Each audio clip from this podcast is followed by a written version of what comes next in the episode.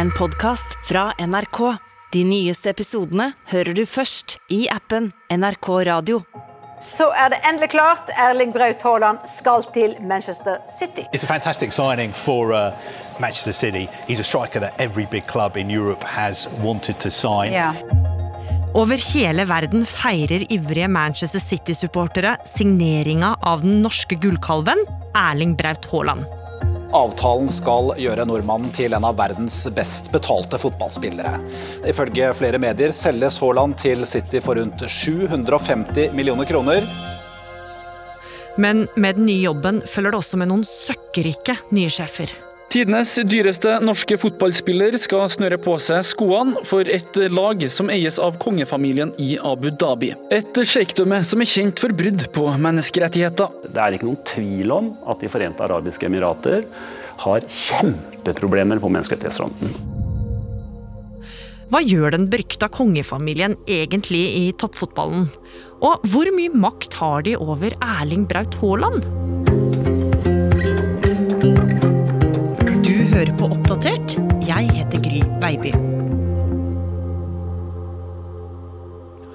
Manchester City har endelig gjort det egentlig alle fotballklubber i verden drømmer om.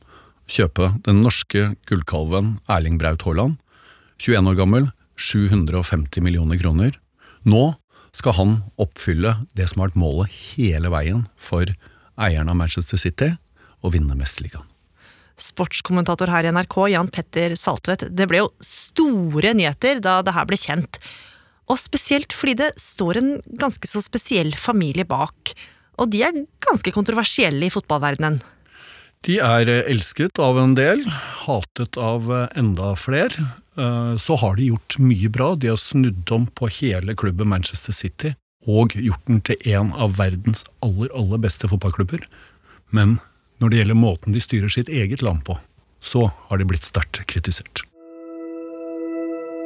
Og for å forstå hvorfor en mektig og søkkrik kongefamilie fra Abu Dhabi har kjøpt opp et fotballag i Storbritannia, må vi forstå hvem denne familien er. Og det skal du hjelpe oss med, utenrikskorrespondent her i NRK, Yama Wolasmal. Hei fra Beirut. Vi må spole tilbake til 70-tallet, da Abu Dhabi og området rundt gikk fra å være en koloni til å skulle styre selv. For da gjorde denne familien noe som skulle forandre alt. Hva var det? Altså, denne familien fikk eh, panikk da britene som styrte dette området på slutten av 60-tallet, bare plutselig nærmest sa at du, vi har ikke råd til å styre eh, de områdene deres lenger, vi trekker oss ut. Så nå er dere overlatt til dere selv. Og det utløste ganske høye nerver hos emiraterne, for de hadde aldri styrt dette området selv. Det var en ørkenslette med noen få bygninger. Alt var underutvikla. De hadde oljen riktignok, så de var rike, men de ante jo ikke hvordan de skulle styre. Så med britene ute så måtte de bygge landet fra bunnen av. Og det var spesielt én fyr som ville gjøre det, og som skjønte hva som måtte til. Hvem var han, Yama? Det var jo O store sjeik Zayed, eh, han som eh, samlet landet til ett rike i 1971 etter at de erklærte uavhengighet fra britene. Eh, Han skjønte at han må samle de ulike emiratene under ett flagg. His name is Zaid. When Zaid was simply the leader of a tribe, these men could meet him every day. Now he's the administrator of a modern state. Den nye staten med de sju områdene fikk navnet De forente arabiske emirater, med Abu Dhabi og Dubai som de mest kjente. Og så rullet han ut de voldsomme visjonene han hadde for landet sitt. For de var ufattelig rike, de hadde ikke mangel på penger, men det var jo en ørkenslette som måtte bygges. Og Sheikh Zayed satset på veier, sykehus, skoler. De første skyskraperne kom opp i ørkenen. Så de brukte oljerikdommen til å bare endre hele landskapet og gjøre Emiratene til en svær metropol. Money in the bank means money to buy with. Now the whole modern world is dumped into the sand. Air conditioners and deep freezers, timber and steel, cement and typewriters, fans and filing cabinets. You name it, and you'll find it here, sweeping in like a tidal wave on the old Arabian shore. Som oljen strømma pengene inn. Og de som bodde i Abu Dhabi, de merka at levestandarden økte, mens utviklinga skøyt i været.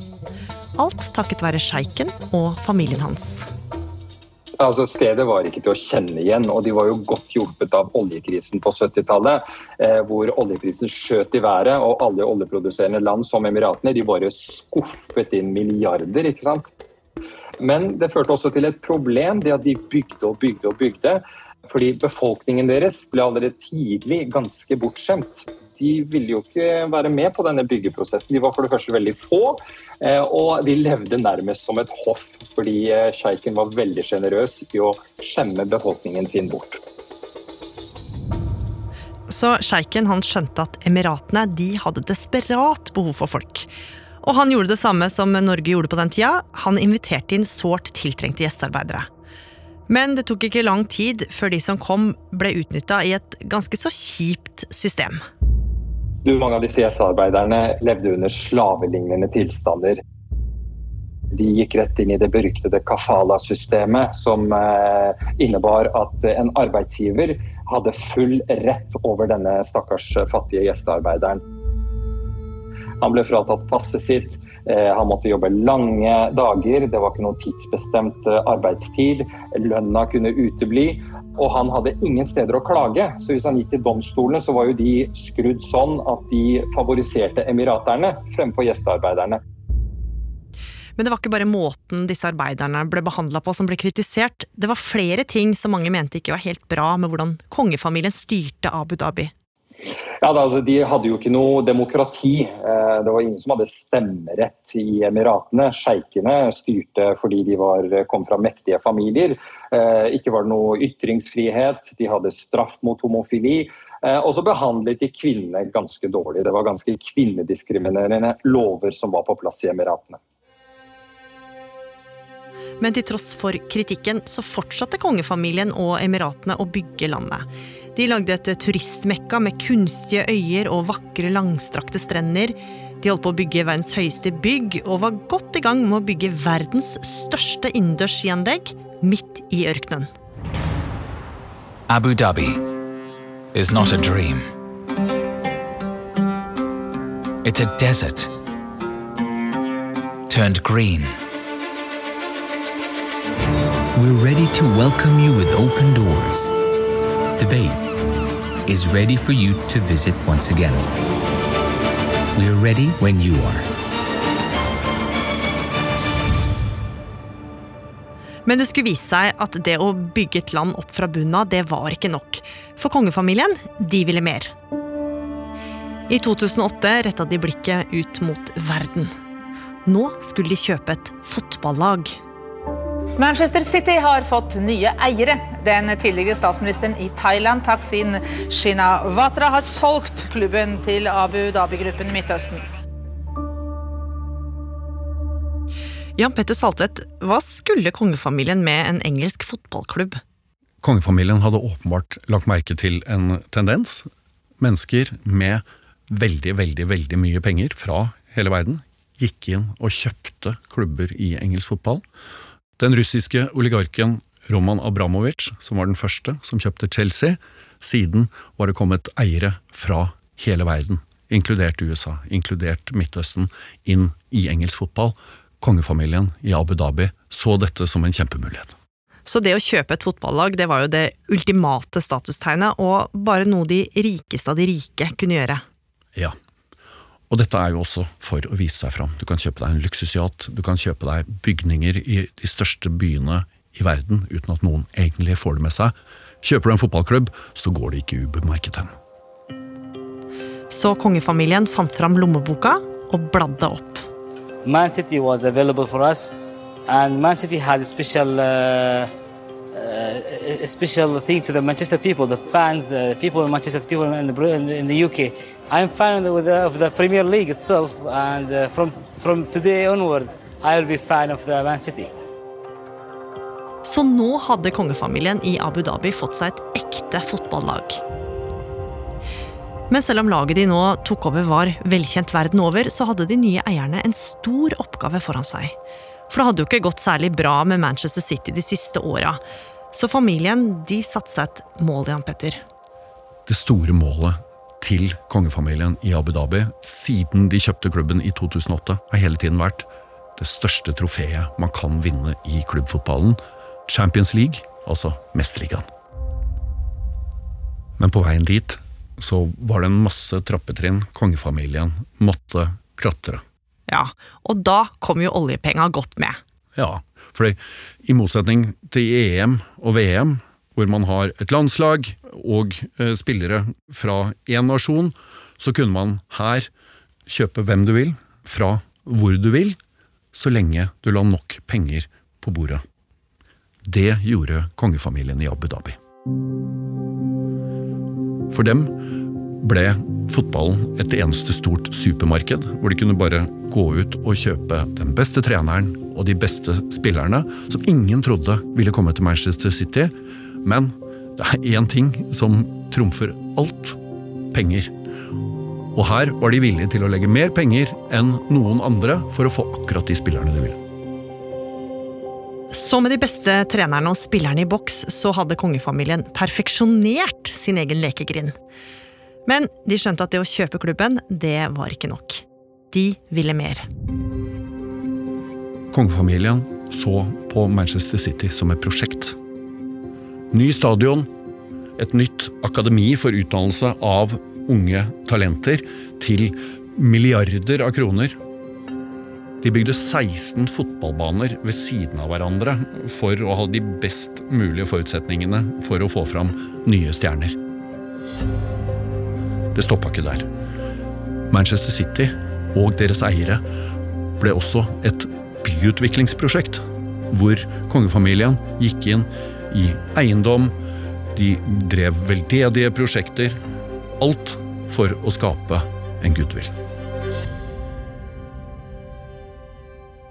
Etter noen år i skyggenes dal skulle Manchester City endelig få vise hva de var gode for. Og i 2012 var det klart for en stor styrkeprøve, nemlig Eliteserien Premier League.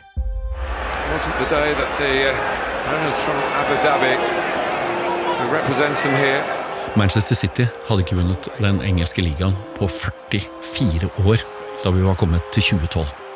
Det er aller siste kamp for sesongen. Manchester City må vinne hjemme mot Queens Park Rangers, men de mangler ett eneste mål. Tida er på vei til å løpe ut.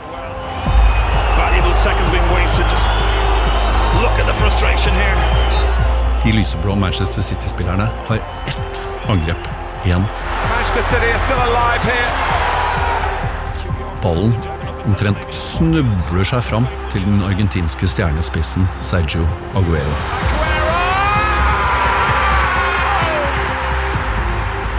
Dramaturgien kunne ikke vært bedre. Det er det siste sparket på ballen etter en hel lang sesong. Manchester City har klart det ingen trodde var mulig. De har tatt ligamesterskapet fra storebror Manchester United. I swear you'll never see anything like this ever again. Og det fortsatte å gå skikkelig bra på banen for Manchester City. Men så skulle det skje noe som eh, kunne skitnet i kongefamiliens rykte som en raus velgjører og investor. For de siste åra hadde det blussa opp en oppheta debatt etter at Qatar ble tildelt VM. Many countries, especially those with authoritarian governments, have been heavily spending in football. Governments know that investing money in sports can make them look good. It's what's known as sports washing. sports washing, which is to say the attempt by a government to whitewash, to cleanse, to project a more positive image of itself than is accurate, really. An alternative uh, version of events, as it were. Med det ble menneskerettighetssituasjonen og ytringsfrihet i Qatar, men også Abu Dhabi, satt under lupen. Og nå begynte folk å beskylde kongefamilien for å ha en baktanke med å eie Manchester City. Mange spurte seg om det egentlig var for å skaffe seg politisk makt og innflytelse i Storbritannia. De fikk også kritikk for hvor sjukt mye penger de hadde brukt på å shoppe de beste spillerne. Det fantes faktisk regler for hvor mye penger man kunne ta fra en statlig fond og sette inn i en fotballklubb. Rett og slett fordi man skulle prøve å holde på noe som lignet en rettferdighet. Kall det det. Men det kom frem at Manchester City hadde brukt alle kreative metoder som fantes på å omgå disse reglene. Konsekvensen var at de skulle stenges ute fra Mesterligaen i to sesonger. Manchester City fant de dyreste og beste advokatene som var mulig å finne, og klarte å komme unna. Etter dette er det ingen som lenger tror at det fins noen begrensninger på hvor mye penger du kan bruke på en fotballklubb. Så klubben slapp unna all utestengelse, og denne våren kunne verden se et lag i toppform. Manchester City vant igjen den engelske ligaen, men snubla igjen i nest siste hinder på vei mot det aller største målet, nemlig å vinne Mesterligaen. Alle sa de har verdens beste trener i spanske Pep Guardiola, men de mangler én ting en angrepsspiller. Og da sikla de etter en helt spesiell person, nemlig en 21-åring fra Jæren. Erling Braut Haaland, som mange ser på som den aller siste brikken i kampen for å oppfylle drømmen til kongefamilien fra Abu Dhabi, nemlig at Manchester City skal vinne Mesterligaen. Men på veien dit, Jan Petter, så skal han jo også spille for det norske landslaget. Og det siste året så har de hatt en spesiell protest. De har kommet gående ut på banen før kamp og markert motstand mot Qatar, enten med T-skjorter eller med en hånd i været. Og med Haalands nye arbeidsgiver, som ikke bare er nabolandet til Emiratene, men som også har fått kritikk for brudd på menneskerettigheter, så har mange lurt på om Haaland kommer til å være med. Men nylig ble det kjent at landslaget ikke skal demonstrere mer. Kan det ha noe med Haalands overgang å gjøre? Det blir bare spekulasjoner, fordi fotballpresidenten har sagt at dette har vært planen hele tiden. Men det skjer nøyaktig samtidig som Haalands overgang til Abu Dhabi-eide Manchester City, og da kommer jo spørsmålene til å fortsette å komme om Norge slutter med Qatar-markeringene kun på grunn av Erling Braut Haaland. Hvor mye makt har kongefamilien i Abu Dhabi over Haaland? De har jo i utgangspunktet så mye makt som en arbeidsgiver eh, har over en de er ansatt, men for 400 millioner kroner i året forventer man kanskje litt ekstra lojalitet, og det for en arbeidsgiver med den eh, historien vi vet er der. Derfor blir det veldig spennende å se hvordan Erling Braut Haaland skal forholde seg til dette. Så lenge han bare er fotballspiller, går dette fint. Den dagen han blir posterboy for hele regimet, så er også det norske landslaget en stor utfordring.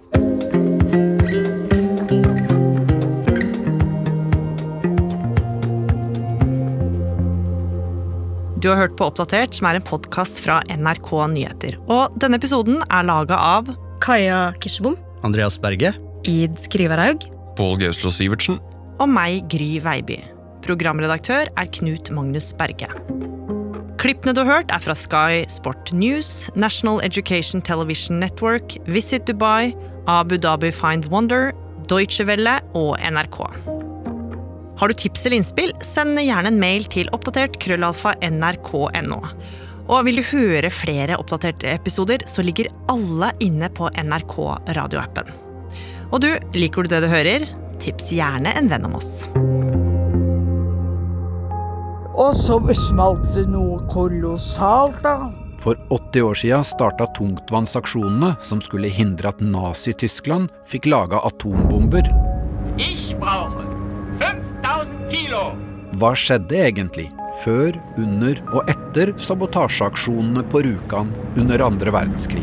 170 svære amerikanske fly de fylte jo hele luftrommet her. Tungtvannsaksjonene hører du først i appen NRK Radio.